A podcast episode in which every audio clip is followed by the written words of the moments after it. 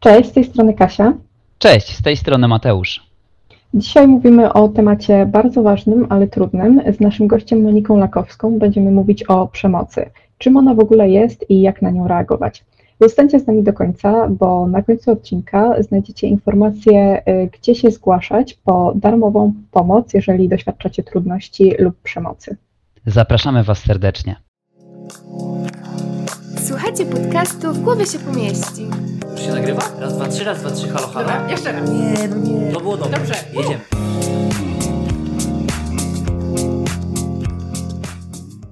Drodzy słuchacze podcastu W głowie się pomieści, dzisiaj mamy w naszym studio wyjątkowego gościa. Jest z nami Monika Lakowska, czyli magister psychologii klinicznej, współzałożycielka i członek Stowarzyszenia na rzecz przeciwdziałania przemocy w rodzinie Niebieska Linia. Nasz gość prowadzi również od lat terapię indywidualną i grupową dla osób uwikłanych w przemoc w rodzinie i nie tylko. Związana jest z Centrum Terapii Skoncentrowanej na Rozwiązaniach TSR, członek PTP oraz Europejskiego Towarzystwa Terapii Krótkoterminowej. Specjalista do, do spraw przeciwdziałania przemocy w rodzinie, Monika Lakowska. Witamy Cię bardzo serdecznie. Witam Was bardzo serdecznie.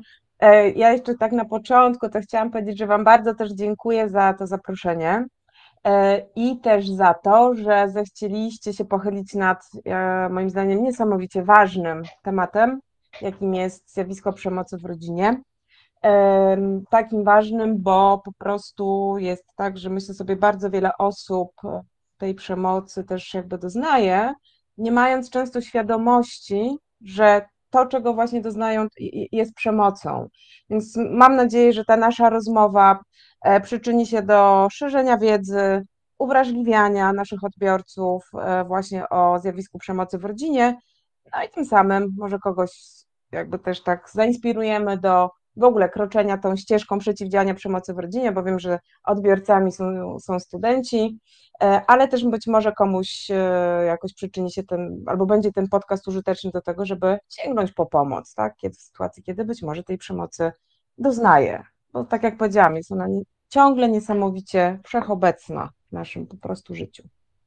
Dzięki Monika, że jesteś z nami. Widzimy się dzisiaj online, e, ale mam nadzieję, że będzie jeszcze możliwość się spotkać i może e, pogłębić temat na żywo. E, Przedstawię plan odcinka. Na początku zadamy Ci kilka pytań, później przejdziemy do części merytorycznej, czyli będziemy rozmawiać właśnie o przemocy i jaka jest skala zjawiska, jakie są stereotypy dotyczące, doczy, dotyczące tego zjawiska, a na Mhm. koniec przejdziemy do sekcji pytań godnych i niewygodnych, czyli wszystko, co się w głowie pomieści, czyli już takie luźniejsze pytania i e, wszystko, co może zainteresować naszych słuchaczy. E, To zacznijmy od pytań e, do Ciebie. Jak w ogóle rozpoczęła się Twoja przygoda z psychologią? Jak wyglądała Twoja ścieżka zawodowa? O, no to zaprosiliście mnie teraz do powrotu do podstawówki wręcz, czyli dawno, dawno, dawno temu. Wiecie co, ja, ja jak tak pamiętam e, siebie i to, jak zaczęłam sobie zadawać te pytania, no właśnie, to już był koniec pewnie podstawówki, co ja właściwie chcę w życiu robić, to już wtedy pojawiła mi się myśl o psychologii. Mm, Jakoś postrzegam siebie za osobę taką, która zawsze jakoś lubiła być wśród ludzi, z ludźmi, I też e, w związku z tym e, potrafiłam dawać im swoją uwagę, swoją jakąś wrażliwość. E, Czyli bardzo dużo rozmawiałam ze swoimi koleżankami, jak widziałam, że komuś się coś tam dzieje, jakaś czy krzywda, czy, czy chodzi bardziej smutny, to potrafiłam też pytać, co się dzieje. I rzeczywiście nawet w klasie uchodziłam za taką osobę do pogadania, że jakby czasami było tak, że jak e, ktoś właśnie potrzebował e, no po prostu pogadać, popłakać w ramię, e, to często wybierał mnie i pamiętam już w tamtym czasie, że część moich właśnie koleżanek mówiła o tym, że idź na psychologię, bo będziesz dobrym psychologiem. I jakoś ta myśl też mi zaczęła kiełkować w głowie i rzeczywiście w liceum, jak byłam, organizując też przeróżnego rodzaju takie e, wydarzenia e, poszerzające świadomość, a to komunikacja, to jakieś tam właśnie rozwiązywaniu konfliktów, bo się tym interesowałam, to jakoś utwierdziłam się, że to jest ta ścieżka. No i wybrałam SWPS warszawski e, i tam rozpoczęłam swoje studia. Pamiętam, jak byłam na trzecim roku psychologii, I miałam już wtedy takie poczucie, że przecież no już po takiej dawce wiedzy i teorii, to po prostu wiecie, nic prostszego jak tylko siadać i rozmawiać z klientami, bo już wszystko wiem. E, I mm, zaczęłam poszukiwać stażu jakiegoś zawodowego, takiego właśnie, gdzie już ta teoria, którą oferują studia, mogłaby być przeniesiona w praktykę. E, I z ręką na sercu podsłuchałam, jak dwie moje koleżanki zaczęły rozmawiać o tym, że no właśnie, w niebieskiej linii będą i tutaj już z klientami rozmawiać e, przez telefon, ale już, prawda, taka, taka no, że to już taki, tak, taka praktyka. No i spytałam się, co to niebieska linia, bo jeszcze wtedy niekoniecznie jakoś tak wiedziałam. E, no i powiedział mi właśnie, że to jest organizacja zajmująca się przeciwdziałaniem przemocy w rodzinie, oferująca właśnie roczny, taki, no, bym powiedziała, bogaty bardzo staż zawodowy. E, zainteresowałam się tym no i udałam się na rozmowę rekrutacyjną, którą e, przeszłam. E, I też po stażu rzeczywiście no, bardzo, bardzo rozwojowym, zostałam też zaproszona do współpracy. Więc właściwie no, od 2000 od 2000 roku zaczęła się moja przygoda taka zawodowa z w ogóle z psychologią, ale też i z tą tematyką przeciwdziałania przemocy w rodzinie, więc jak o tym mówię teraz, to myślę sobie jako już trochę takim dinozaurze, no bo to rzeczywiście ponad 22 lata, natomiast e, powiem Wam, że to, co e, myślę sobie też, jakby dzięki temu mojemu doświadczeniu, ja widzę też, jak zmienia się w ogóle w Polsce podejście, świadomość do, do tematu przeciwdziałania przemocy w rodzinie, do rozpoznawania tej przemocy. Można powiedzieć, że jestem trochę takim świadkiem też pewnych zmian, tak, które e, dzieją się dzięki też pracy i wkładowi wielu osób, nie, które, no, które cały czas szerzą też ten kaganek właśnie e, no, związany z przeciwdziałaniem przemocy w rodzinie. E, więc tam w niebieskiej linii również poznałam e, podejście skoncentrowane na rozwiązaniach, terapię skoncentrowaną na rozwiązaniach. E, tak jak powiedziałam, to był początek e, lat 2000, kiedy, kiedy ja się też jakby tak pojawiłam w niebieskiej linii. I wówczas w ogóle TSR był bardzo nowatorskim podejściem, jeśli chodzi o Polskę. Mm, to był moment, kiedy właśnie też między innymi Luis Alarcon wprowadzał do Polski to podejście i też e, no, le, państwo Lelonkiewicze, którzy go też tutaj jakby ściągnęli, to, to tak z, ze Stanów. E, I pamiętam swoje też pewne takie zdziwienie, jak byłam na tym stażu, jak mówiłam, ten student pełen wiedzy teoretycznej, różnych innych podejść. Zaczęłam słuchać o tym, że tu klient jest ekspertem, że to klient wyznacza cele terapii. No i tak najpierw pomyślałam, ale jak to? No przecież w strukturalno-strategicznych podejściach troszkę bywa inaczej. Natomiast jakoś mnie to bardzo zaciekawiło i, yy, ten sposób pracy, a przede wszystkim, jakby wiecie, możliwość obserwowania klientów, którzy rzeczywiście wprowadzali zmiany w krótkim dla siebie czasie możliwym, z wykorzystaniem, spożytkowaniem zasobów do tego właśnie, żeby czynić swoje życie takim, jakim chcą, żeby ono było, zgodnym z potrzebami i wartościami. Zaufałam i terapeutom, i klientom, i to, i podróżuję tą ścieżką cały czas. Nie wiem, czy to, to odpowiedziało na pytanie? Tak, tak, oczywiście. Chciałam Cię jeszcze zapytać, co sprawiło, że zaczęłaś się specjalizować akurat w przemocy i trochę o tym zaczęłaś mówić, że mhm. z niebieskiej linii, więc może trochę przeformułuję to pytanie i zapytam, jak to się stało, że tak długo y, działasz w tej samej ścieżce, bo wyobrażam sobie, że to jest bardzo trudna praca i bardzo trudny temat. Co jest takiego y, w tym obszarze, że y, tak wiele lat ta pasja dała radę się utrzymać? Mm, ja myślę sobie, że tak właściwie pewnie parę rzeczy się na to składa. Mm, zacznę od takich dwóch, które mi pierwsze co jakoś przyszły do głowy. Zacznę od TSR-u. E, myślę sobie, że w ogóle dzięki temu podejściu, założeniom, filozofii, to, to właśnie tak, terapii skoncentrowanej na rozwiązaniach, e, ja jestem bardziej chroniona, jeśli chodzi o wypalenie zawodowe, ponieważ e, pracuję z osobami, z klientami moimi po to, żeby szukać ich mocy osobistej, szukać e, zaradności, sprawczości, poczucia wpływu na życie, mm, z taką też oczywiście no, diagnozą potrzeb, e, celów, zasobów i mm, to myślę sobie też naprawdę jest jakoś bardzo pomocne rzeczywiście przed tym, żeby chronić się przed wypaleniem zawodowym. No tak jak Kasia wspomniałaś, w temacie, który e, jest obciążający, tak? No bo pojawiają się przeróżnego rodzaju oczywiście emocje u klientów, często bezradność, która jest też taka, bym powiedziała, czasami zaraźliwa, prawda? I żeby móc jakoś się też przed tym chronić, to przychodzi z pomocą podejście skoncentrowane na rozwiązaniach, więc myślę, że to jest to, co pomaga mi rzeczywiście Mm, jakby być na tej ścieżce e, i pracy zawodowej.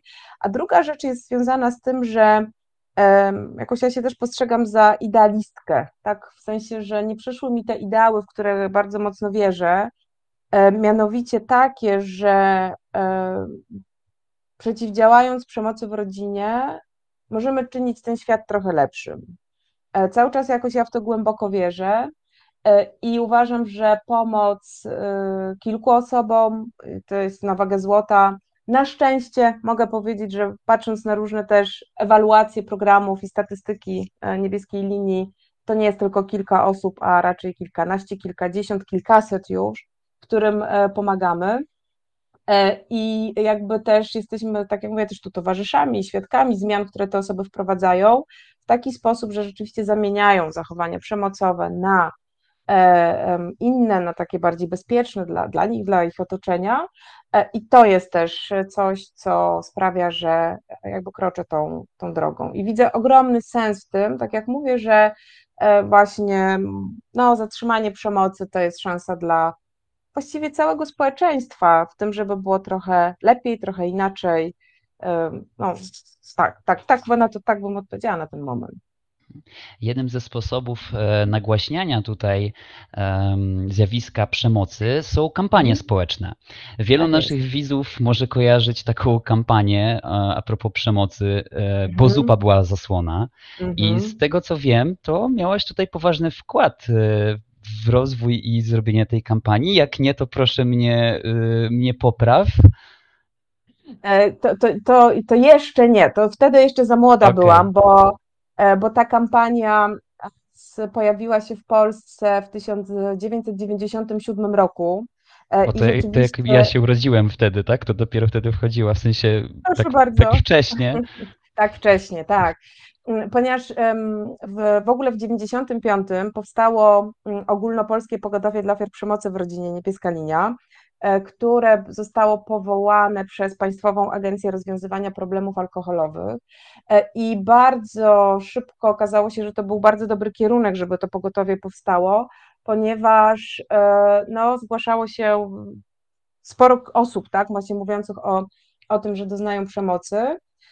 Został uruchomiony właśnie wtedy ogólnopolski telefon mm, i mm, to, że ten telefon został wtedy uruchomiony, czy 90 piąty rok, działa do tej pory nieprzerwanie, cały czas, e, dał taką możliwość też i daje zresztą cały czas, słuchajcie, monitorowania jakby takiej sytuacji przemocy z tak, lotu ptaka, czyli właśnie z takiej ogólnopolskiej perspektywy, bo, bo tam dzwoniły osoby e, z całej Polski. I szybko to jakby pokazała się też taka e, jakby no potrzeba, żeby w ogóle o tym temacie mówić więcej, głośniej, szerzej. Stąd w tym 97, po dwóch latach istnienia pogotowia, E, właśnie została opracowana kampania, e, bo zupa była zasłona.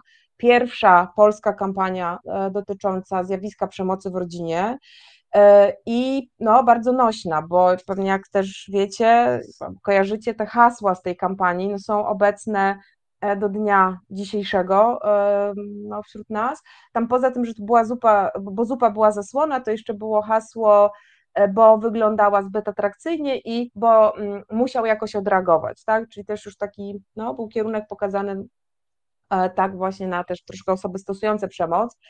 E, I no, ona się odbiła oczywiście szerokim echem, ale też dzięki tej kampanii w ogóle zaczęto więcej uwagi zwracać na zjawisko przemocy w rodzinie. Jak mówię zaczęto, to mam na myśli zarówno poszczególne nie wiem, osoby, które doznawały przemocy, e, tak jakby to było nazywane, ugłaśniane, że w ogóle takie zjawisko istnieje, że mogą zwracać się z prośbą o pomoc oraz ta kampania myślę też bardzo wpłynęła na e, w ogóle, wiecie, osoby tworzące e, pra prawo w Polsce, służby, instytucje, gdzie też jakby zaczęto się przyglądać temu, że tu są potrzebne bardzo różne takie oddziaływania, też z poziomu systemu że potrzebujemy w ogóle tworzyć system przeciwdziałania przemocy w rodzinie w Polsce, że potrzebne są do tego narzędzia i myślę sobie, że ta kampania też właśnie uruchomiła cały ten proces budowy systemu, e, który no, mamy w Polsce, mamy, istnieje i jest.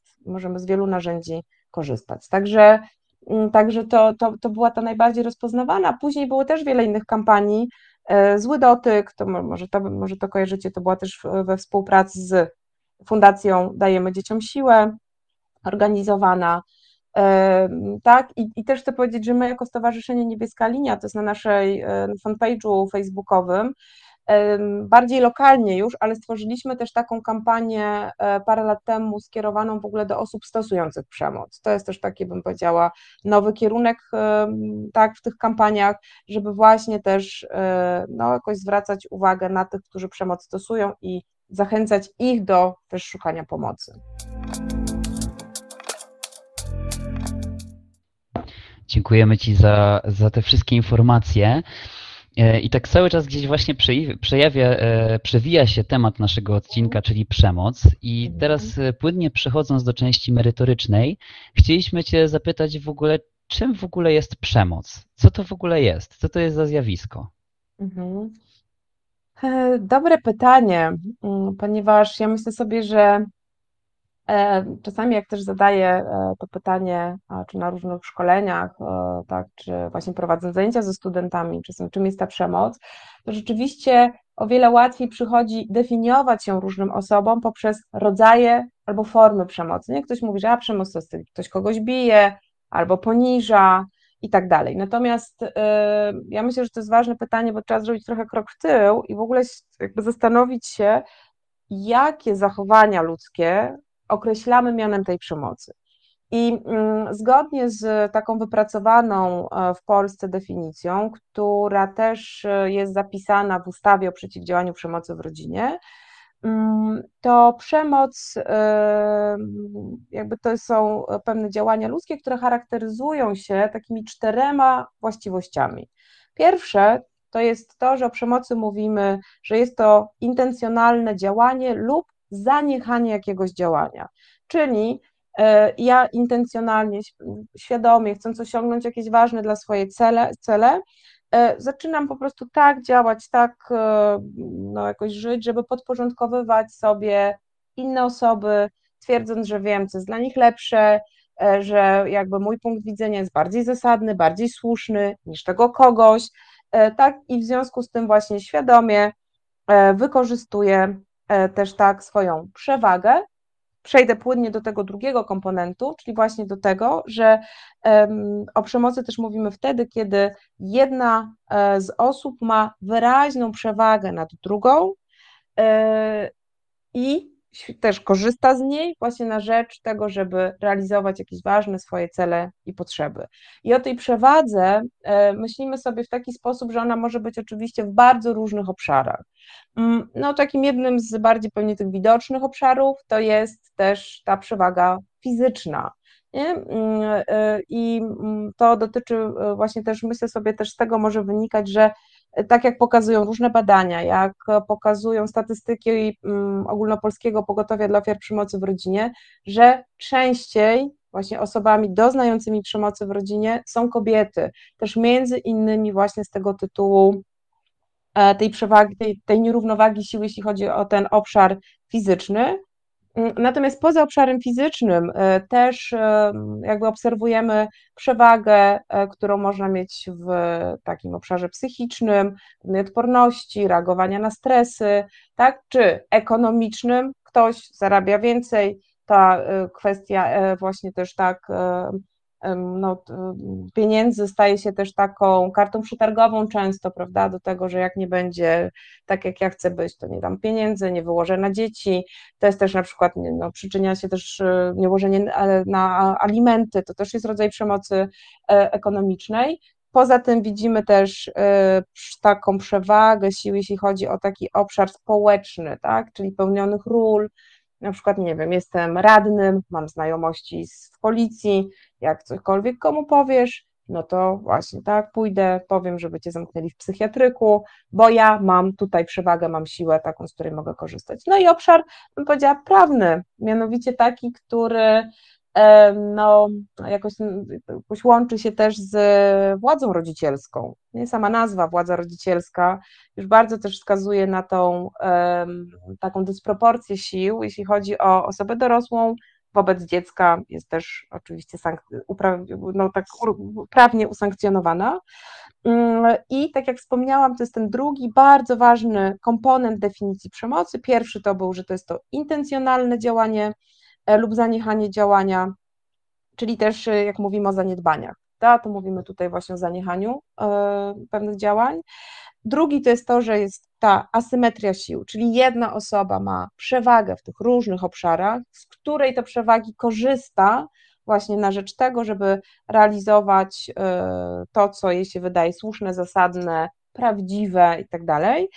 E, trzeci komponent definicji e, dotyczy tego, że przemoc jest takim działaniem też lub zaniechaniem tego działania, które to narusza dobra i prawa osobiste drugiego człowieka.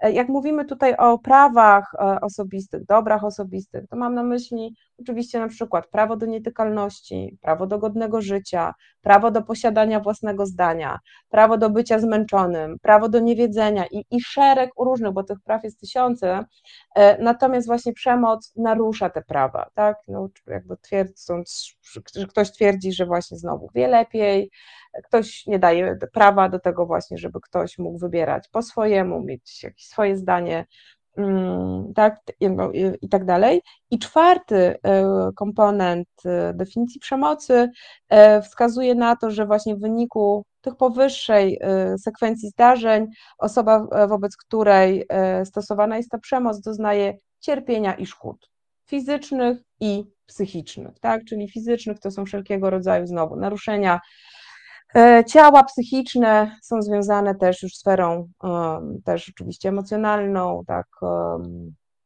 e, poznawczą e, i też tutaj no, bardzo często jakby też obserwujemy u osób właśnie, które długotrwale doznają tej przemocy, takie też szkody psychiczne związane ze zdrowiem psychicznym po prostu, tak, czy depresje mm, i inne zaburzenia. I tu przy jeszcze definicji to chciałam powiedzieć o tym, że e, właśnie poprzez te cztery komponenty diagnozujemy sytuację przemocy, która różna jest też od konfliktu. Bardzo często ludzie zamieniają, używają zamiennie określenia przemoc, konflikt, przemoc, agresja.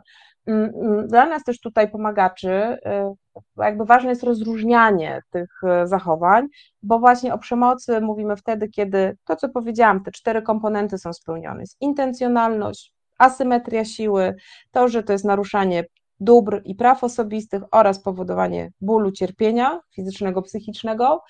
E, natomiast to, co będzie wyróżniało przemoc od konfliktu, to będzie ten komponent związany z przewagą siły. Jeżeli mówimy o konflikcie, to raczej e, myślimy o tym, że tam jest równowaga sił. Jedna osoba ma podobne siły tak, do, do, do drugiej, które umożliwiają obronę, bo w przemocy właśnie ta asymetria powoduje to, że jedna osoba nie może się jakby bronić tak w tej sytuacji, e, jakby tym zachowaniom właśnie, które są wobec niej stosowane no, przez, przez oprawcę, przez agresora. E, no, także to jest myślę, to takie są ważne rzeczy. A e, czy mogłabyś opowiedzieć, jaka jest skala tego zjawiska? I przy tym pytaniu też chciałabym Cię dopytać, bo mówiłaś, że y, przez y, tyle lat, ile pracujesz, byłaś świadkiem y, zmieniania się podejścia w społeczeństwie do przemocy. Czy mogłabyś też ten temat rozwinąć przy okazji opowiadania o skali tego zjawiska? To znaczy tak, Dobrze, to już jakoś to po, połączę, zaraz powiem. Natomiast jeżeli chodzi o skalę zjawiska, to e, ja mogę się oprzeć na badaniach, które e, no, takich ogólnopolskich, które były robione też w, połowie, w, 20, w 2012 roku oraz odwołam się też do statystyk e, prowadzonych właśnie przez Ogólnopolskie Pogotowie dla Ofiar Przemocy w Rodzinie. W ogóle zachęcam też, jeżeli ktoś e, słuchacz jakiś będzie zaciekawiony albo chciałby więcej informacji właśnie o takich dotyczących różnego rodzaju badań o przemocy, to do odwiedzenia naszej strony E, niebieska linia pisane razem.info, to jest strona ogólnopolskiego pogotowia dla ofiar przemocy w rodzinie, tam jest zakładka badania, analizy, bardzo szczegółowo są też e, tak pokazane właśnie zestawienia rozmów, więc sobie też można wyciągnąć e, wiele informacji. Natomiast z przeróżnego rodzaju badań wynika no, coś takiego, że no, w Polsce zjawisko przemocy w rodzinie jest obecne w bardzo, bardzo wielu E, rodzinach.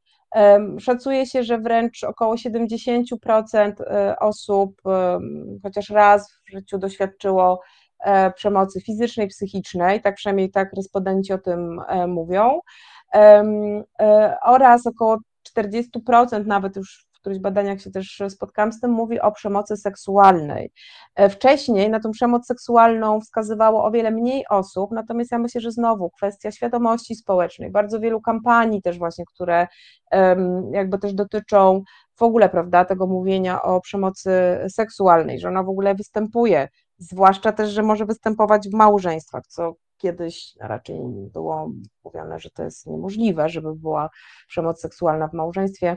Natomiast tak jak mówię, kampanie społeczne, mm, edukacja, myślę sobie jakby też właśnie podnoszenie tej świadomości, mm, rzutuje tym, że i, i te statystyki dotyczące przemocy się znacząco jakoś tutaj zmieniają. I, I, też e, kolejne badania mówią o tym, że właśnie właściwie też co czwarty Polak przyznał, że był kiedykolwiek w ogóle też sprawcą przemocy e, psychicznej. Więc ja myślę sobie, że to jest też taki bardzo ważny e, tak, e, taki obraz w ogóle przemocy, w znaczeniu takim, że ta świadomość zjawiska i roli, prawda, jaką się w tym pełni, czy jest się w roli doznającego, stosującego, jest ważna i to właśnie, że osoby potrafią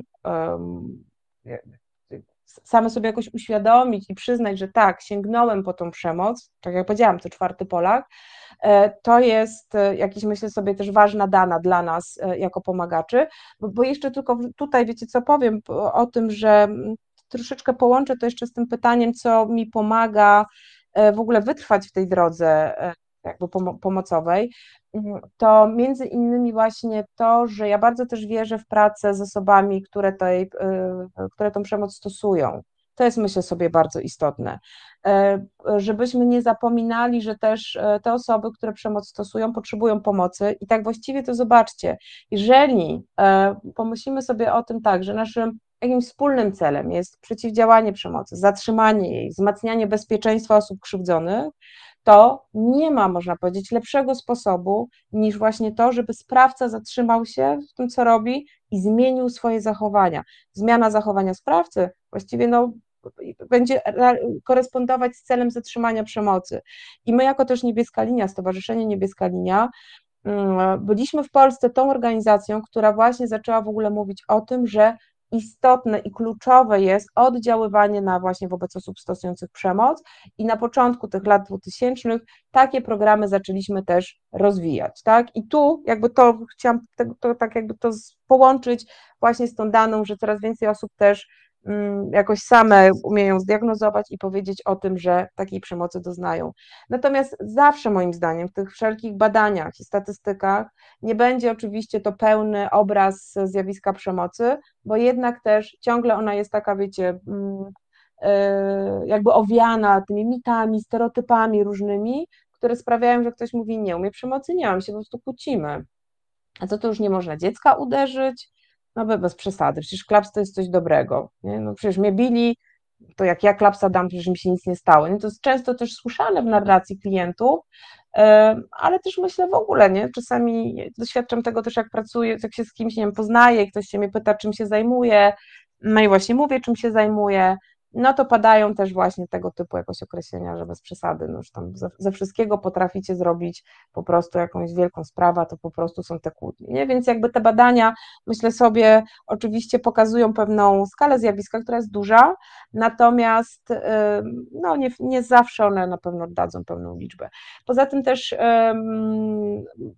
te statystyki prowadzone przez Ogólnopolskie Pogodowie dla Ofiar Przemocy w Rodzinie Niebieska Linia, e, właśnie prowadzone przez nasze stowarzyszenie, e, w ogóle pokazują taką tendencję wzrostową, tak, telefonów, które odbieramy.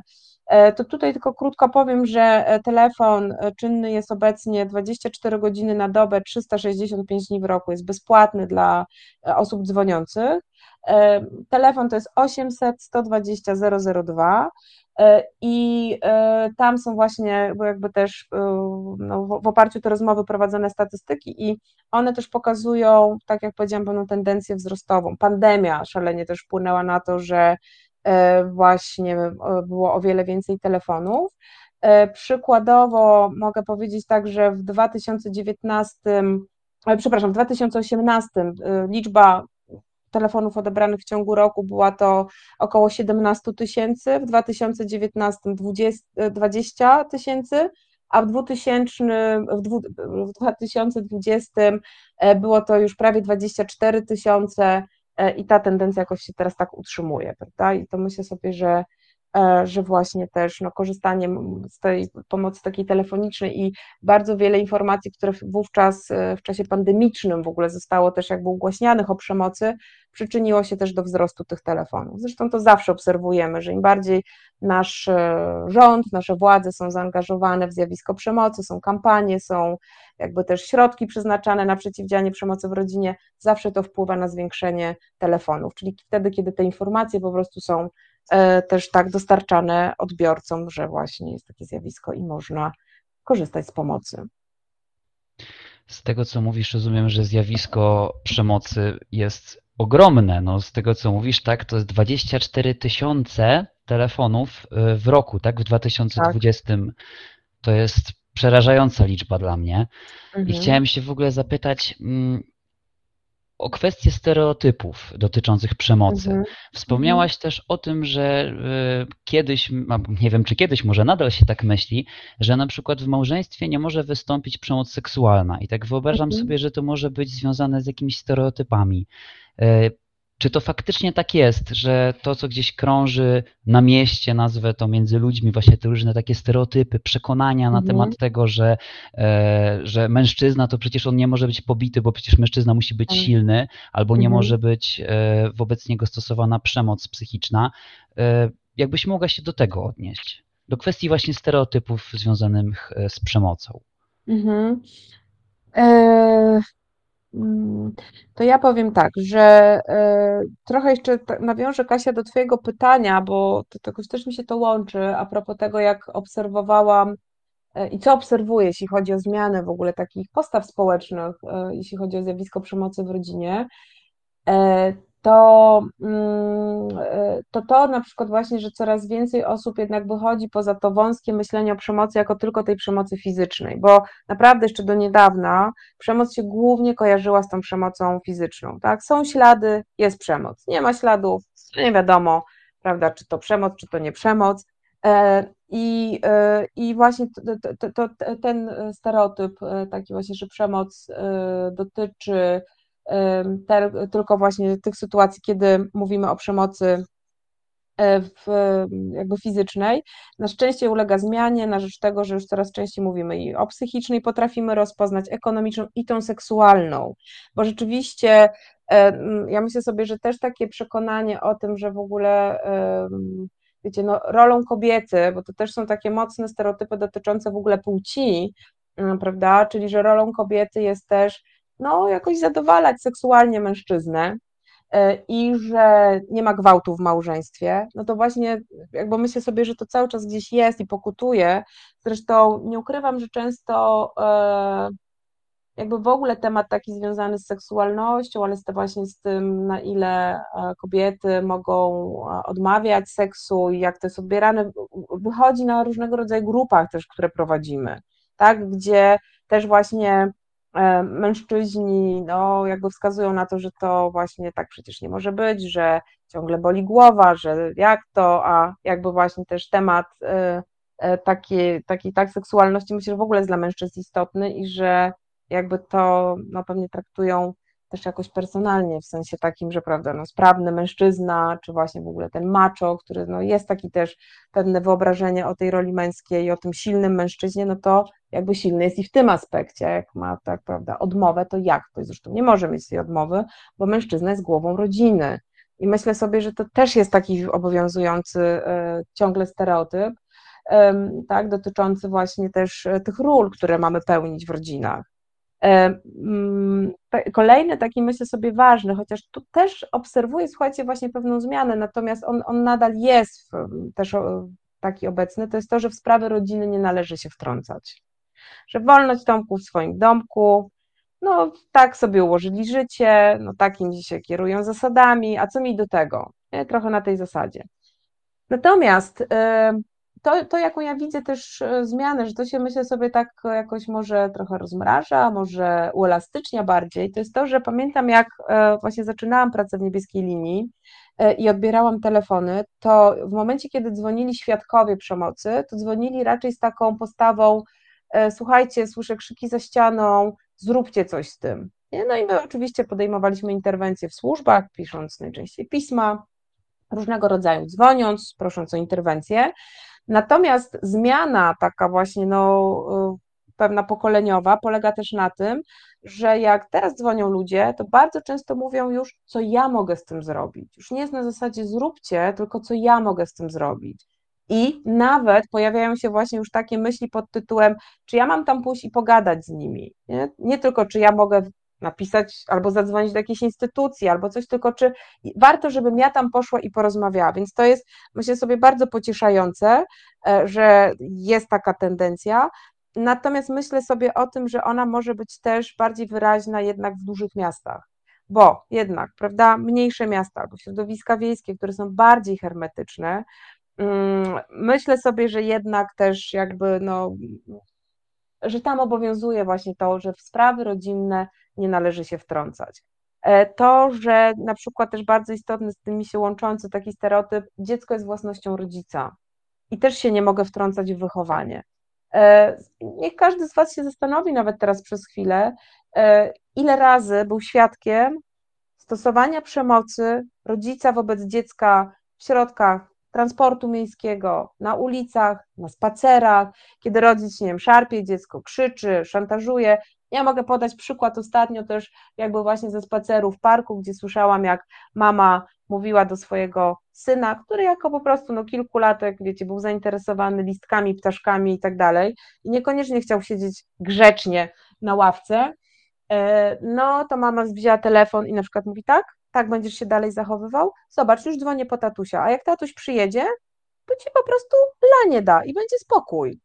I to jest, można powiedzieć, zobaczcie, coś takiego, co można powiedzieć, no ale właściwie to przemoc, czy nie przemoc, co to jest? Ja myślę, że tak, to jest przemoc, bo to jest po pierwsze też jakby właśnie no, wykorzystywanie tej przewagi, prawda, rodzicielskiej, zastraszanie dziecka, natomiast z dużą przykrością słuchałam też tego, jak to pokazuje, jaki jest obraz ojca znowu, prawda, tego mężczyzny. No to mężczyzna jest od wymierzania kary, od stawiania granic, właśnie od zrobienia porządku, i no tak jak powiedziałam, tutaj był akurat tata użyty jako straszak, ale też e, wszelkie, nie wiem, szturchnięcia, ciągnięcia za rękę, krzyki, klapsy, prawda, to też jest przemoc. I y, pytanie do każdego z Was, jak obserwujecie też takie zachowania, czy reagujecie? Czy to jest właśnie, i wchodzi tu stereotyp pod tytułem, no, sprawy rodzinne nie należy się wtrącać, dziecko własnością rodzica, a co mi do tego? No właściwie to się nic wielkiego nie dzieje. I tu jest ten stereotyp, nic wielkiego nie dzieje, bo o przemocy raczej mamy to skojarzenie, że to jest taki dramat już, prawda? Nie wiem, krew się leje, połamania, jakieś, nie wiem, no, duże uszkodzenia widoczne ciała. Na no, takie szarpnięcie, taki klaps, to czy to jest przemoc? I to naprawdę czasami myślę sobie, my też no, w dół, żyjąc w takich dużych, no tych właśnie stereotypach, uproszczeniach myślenia, w pewien taki sposób też yy, działamy, tak? Natomiast dlatego ta świadomość, myślę, zjawiska i siebie w ogóle w tym zjawisku jest tutaj mm, bardzo ważna. Dzieci rybę głosu nie mają. Nie? No chociaż coraz częściej w tej edukacji też myślę, że już jest ten taki trend, żeby dzieci miały głos, ale do pewnego momentu. Nie? To całe, myślę sobie, niestety szkolnictwo, ta hierarchia, która jest w tym, prawda, że no właśnie, nauczyciel ma rację, a dziecko niekoniecznie ma się podporządkować, no też jest niestety, bym powiedziałam, mocno nacechowana czy cały czas właśnie takimi, no też y, sytuacjami przemocowymi.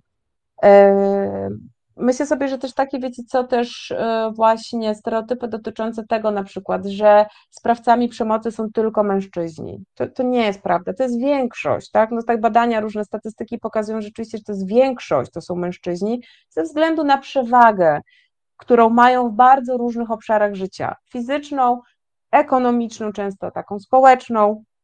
Natomiast do nas, do niebieskiej linii, jak najbardziej też zgłaszają się osoby, e, kobiety, które też stosują przemoc. I my wiemy, że przemoc jest takim zjawiskiem, które nie zna podziału na płeć, nie zna podziału na wyznania, na, nie wiem, tak, przynależność do różnych grup etnicznych i tak dalej, i tak że to, to, to jest po prostu bardzo demokratyczne zjawisko.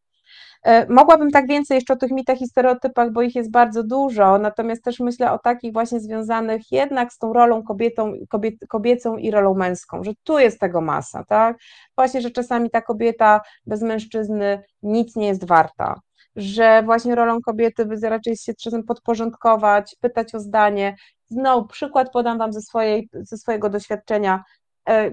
Długi czas nosiłam bardzo długie włosy, takie do pasa i któregoś razu po prostu naszła mi ochota na zmianę, tak z buta poszłam do fryzjera i obcięłam sobie te długie włosy do dosyć krótkich. Reakcja jednych z moich koleżanek była taka, że jak mnie zobaczyłam, mówi, że fajnie, fajnie, no ale słuchaj, czy ty zapytałaś swojego męża o to, czy możesz obciąć włosy? ja się zadziwiłam, mówię, ale jakby właściwie co mówisz, o, czym jest? Nie wiem, no czy on ci pozwolił, czy on wyraził na to zgodę nawet jakoś usłyszałam, że no, no to, jest, to, to jest właśnie to, prawda? To, to w takich sytuacjach zobaczcie, jak to jest też jakoś zakorzenione, utkane i powiedziałam, że no nie, bo to są moje włosy, moja decyzja, no ewentualnie może być mniej czy bardziej z tego zadowolony, ale ja ją podejmuję, prawda, nie pytając o zgodę. Natomiast ja myślę sobie, że e, tak jak powiedziałam, w, taki, w takim komentarzu, w takiej postawie jest właśnie zakorzenione też to e, wszystko dotyczące roli kobiety, mężczyzny, no i tak dalej, i tak dalej. E, także czy mogłabyś powiedzieć, jak reagować na przemoc? Mhm. E, to wiecie co? Ja zanim odpowiem na pytanie, jak reagować na przemoc, to bym chciała się odnieść do tego, po co w ogóle to robić. Pamiętajcie o tym, że każdy z nas ma swój udział w tym, żeby właśnie przeciwdziałać przemocy bądź ją wzmacniać. Przemoc jest takim zjawiskiem, które szalenie karmi się milczeniem. Im więcej jest milczenia, im więcej to jest właśnie ta tajemnica tych czterech ścian domu, tym przemoc, pamiętajmy, rośnie e, na sile. E, niezatrzymana przemoc ma tendencję do eskalacji, czyli właśnie do tego, że, że to zjawisko, te zachowania bardziej tak, no, osób stosujących przemoc mm, wzrastają, rosną w siłę. Jak zaczyna się od przemocy psychicznej, często potem pojawia się fizyczna i tak dalej, i tak dalej. E, zatem, jeżeli chcemy właśnie dokładać swój kamyczek do tego, żeby działać na rzecz bezpieczeństwa osób krzywdzonych, przerywać łańcuch przemocowy, e, dawać jasno wyraz swoją postawą, że nie zgadzamy się na takie zachowanie, że właśnie chcemy trochę też innego porządku świata, e, że czyjeś dobro, życie przecież, prawda, zdrowie życie jakby jest, no, jest dla nas ważne, to reagujmy. To jest właśnie po to. Pamiętajcie, że często też taka reakcja ze strony świadka przemocy e, jest bardzo, bardzo wspierającą reakcją dla osób doznających tej przemocy i rzeczywiście stopem dla tych, którzy przemoc stosują.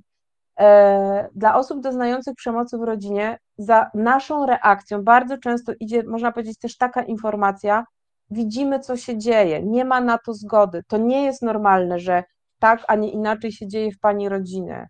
Ma pani prawo do tego, żeby właśnie też bronić się, coś robić, prawda, takiego na, na rzecz ochrony swojego y, życia i zdrowia, często dzieci też. I dzieci, które obserwują naszą reakcję, również dostają taki komunikat, że są w ogóle jacyś dorośli, ludzie, którzy mogą pomóc, że y, jest jakaś szansa, więc to jest naprawdę bardzo ważne. dla osób stosujących przemoc, natomiast też idzie z tego informacja z naszej reakcji, że to, co ktoś robi, jest też niezgodne w ogóle i z literą prawa, ale też z, z takimi normami życia społecznego e, i że jest w, na, w, tym nasza niezgoda na to. Nie? Więc jakby to, to z tego względu jest bardzo też istotne to reagowanie, mm, e, żeby właśnie też w taki sposób no, zatrzymywać tę przemoc i wspierać bezpieczeństwo e, osób krzywdzonych. E, jak to robić? No, niewątpliwie zawsze warto sobie zadać pytanie o to, co będzie dla mnie też bezpieczne w tej sytuacji. I to jest już odpowiedź indywidualna. Dla części z Was, albo osób, no, które to słuchają, słuchacie, tak, to może być na przykład jasne, oczywiste, tak, ja mam gotowość, mam sobie odwagę, pójść do sąsiadów w trakcie awantury, zapukać i powiedzieć, przepraszam, słyszę, co się dzieje, pani, czy pani potrzebuje pomocy, czy pan, oczywiście wezwać też służby, myślę sobie tak, jakby taką pomoc tutaj sięgnąć. Natomiast dla części z Was może nie być to komfortowe, czy, czy, czy właśnie bardziej się obawiacie wiem, jakichś odwetów ze strony e, tak, no właśnie osób w tej rodzinie, więc, e, więc możecie powiedzieć, nie, ja bym tam nie poszła, ale to, to wezwijcie służby. No taką służbą, która może reagować najbardziej na tu i teraz jest policja, i oczywiście E, dzwoniąc na policję, warto podać jak najwięcej faktów, tak? Czyli słyszałem krzyki takie, a takie, słyszałem płacz dziecka mówiące mamo nie bij mnie, tak? Bądź tato nie bij mamy, to, to, żeby tu jak najwięcej było faktów.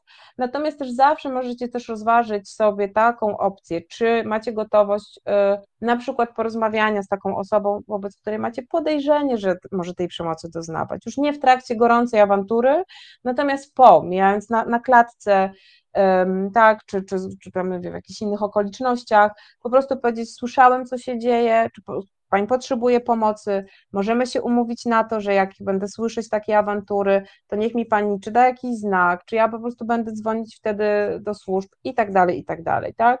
Natomiast ja myślę sobie, że reagować naprawdę warto, e, nawet bym powiedziała należy, bo jakby tym sposobem, e, tak jak mówię, no, dokładamy taki swój kamyczek do tego, żeby zatrzymać, zatrzymać przemoc i po prostu wzmacniać to bezpieczeństwo osób e, krzywdzonych. Oczywiście pamiętajcie o tym, że jak będziecie reagować, możecie się spotkać z agresywnymi reakcjami tych osób, które tą przemoc stosują, a czasem nawet osób, które tej przemocy też znają, bo to wynika z pewnych mechanizmów psychologicznych. Natomiast to jest, bym powiedziała, wpisane w, tą, w, w, w, to nasze działanie, że raczej nam ktoś w tym momencie interwencji nie powie, o Jezu, dziękuję, że Pani mi zwróciła uwagę, żeby nie bić dziecka faktycznie, prawda? Raczej powie, co się Pani wtrąca. Zastanówcie się nad tym, jaka odpowiedź mogłaby wtedy pójść. No wtrącam się tak, bo jestem po prostu przeciwna takiemu zachowaniu. Nie wolno bić dzieci. Kropka. Nie? Ale to jest, tak jak powiedziałam, bardzo ważna informacja dla tych, którzy są krzywdzeni, że e, no właśnie też e, mogą szukać pomocy, bo są ludzie, którzy jakoś zareagują, a nie tylko powiedzą, no staraj się bardziej, może wiesz, przestań go tak dręczyć i tak dalej, i tak dalej. Więc to bym powiedziała, że tutaj warto. Znowu, na naszej stronie, teraz stronie stowarzyszenia niebieska linia.org, bo to są dwa, dwa różne, jedno jest info, to jest niebieska linia pogotowie, stowarzyszenie to jest org, macie też taki informator dla świadków przemocy w rodzinie. Dokładnie rozpisany, jak, jak warto się zachować, co robić, y, do jakich służb się zgłaszać, więc to jest też taka, bym powiedziała, dobra piguła do tego, żeby była jakąś taką, takim zapleczem do reagowania. Wszystkie dane zostawimy na pewno w opisie podcastu, także jeżeli ktoś mhm. będzie zainteresowany, to zapraszamy Was, odsyłamy Was do, do opisu. Dziękujemy Moniko za te wszystkie informacje. Chcieliśmy jeszcze zapytać e, o dwa pytania z sekcji pytań, mhm. pytania godne i niewygodne. E, Brzmi ciekawie. tak jest. No. Chcieliśmy się zapytać, co powiedziałabyś osobom zainteresowanym psychologią, które są zainteresowane pracą z osobami doświadczającymi i stosującymi przemoc? Jakąś taką ogólną odezwę do nich. Jakbyś mogła na przykład sobie coś powiedzieć z czasów studiów, co wiesz teraz, co by to takiego było? Hmm, ciekawe pytanie, bardzo inspirujące. Um, ja myślę sobie tak, żeby powiedziałabym tym osobom i to, żeby chciały zgłębiać temat przeciwdziałania przemocy w rodzinie, e, e dla tego, co już powiedziałam wcześniej, tak, żeby, żeby czynić ten świat trochę lepszym. Natomiast pamiętajcie też o tym, że mm, bardzo często jest też tak, że jak trafiają do Was będą klienci, pacjenci, mm, którzy będą mówić, czy na przykład o jakimś obniżonym nastroju, o różnych lękach, depresjach, czy, czy innych um, tego typu sprawach w ich życiu, to myślę sobie, że bardzo często to jest powiązane też z przemocą. I zresztą w ogóle przemoc jest takim zjawiskiem wieloproblemowym, prawda? Jak pracujemy z osobą, która doznaje tej przemocy, czy stosuje tą przemoc, to tam najczęściej pojawiają się bardzo różne inne jeszcze obszary. E, zatem myślę sobie, że ta wiedza e, tak, i takie umiejętności pracy z właśnie tymi osobami wikłanymi w przemoc w ogóle mogą się jakby przydać do E, do pracy z ludźmi, bo tak jak powiedziałam, jak trochę te statystyki to pokazują, czy badania, że to jest tak wszechobecne zjawisko, mm, e, jest i było niestety, że naprawdę bardzo wiele osób, które trafiają do nas jakby z różnych innych jakby takich tematach czy obszarach, gdzieś ta, ta przemoc się pojawia e, i też jakoś wychodzi, więc myślę sobie, że to jest też takie, może być pomocne do pracy, natomiast też to, żeby właśnie myśleć o tym, że to jest bardzo istotne, o tej pracy z osobami stosującymi przemoc. Tak jak powiedziałam, praca z nimi przyczynia się do tego, że ta przemoc jest też po prostu zatrzymywana, tak? I to bezpieczeństwo osób krzywdzonych wzrasta.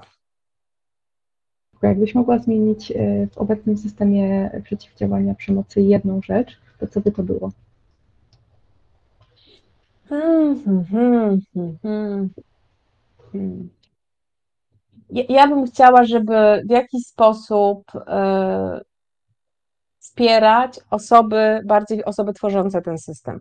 Bo moim zdaniem pewne rozwiązania prawne, które są u nas, naprawdę nie, nie są złe, one już są taką, takimi dobrymi narzędziami, natomiast e, jak nie działa system, to ja wiem, że tu chodzi o czynnik ludzki, bo system tworzą ludzie.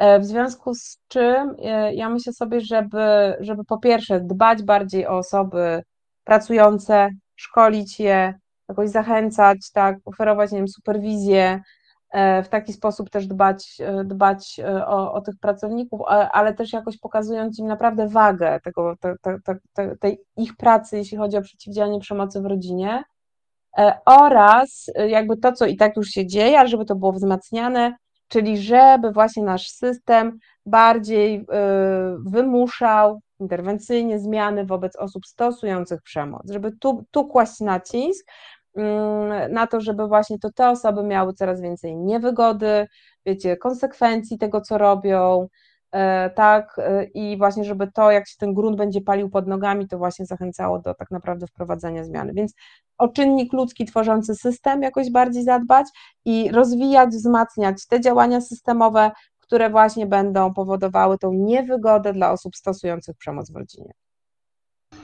Dziękujemy Ci bardzo za wszystko, za e, chęć porozmawiania z nami. Wydaje mi się, że to był piękny odcinek, pewnie trudny, ale bardzo wartościowy. Także dziękujemy Ci za poświęcony nam czas.